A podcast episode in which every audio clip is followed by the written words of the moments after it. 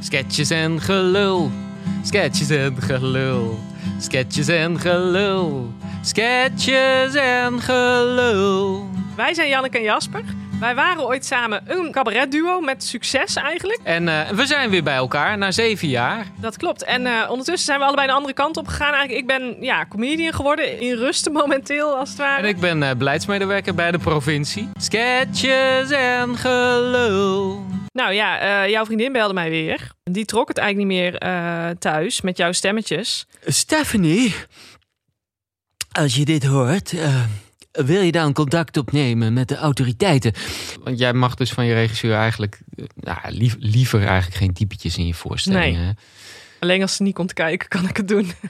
Mag ik een half uur weten of dit trouwens ook maar bruin? Want anders weet ik het ook niet. Want meteen is gezonder met anders lekker. Dan moet je die keuze nou maken. En wilt u dan met uh, zonnebloempitten Ja. of... Sketches en gelul.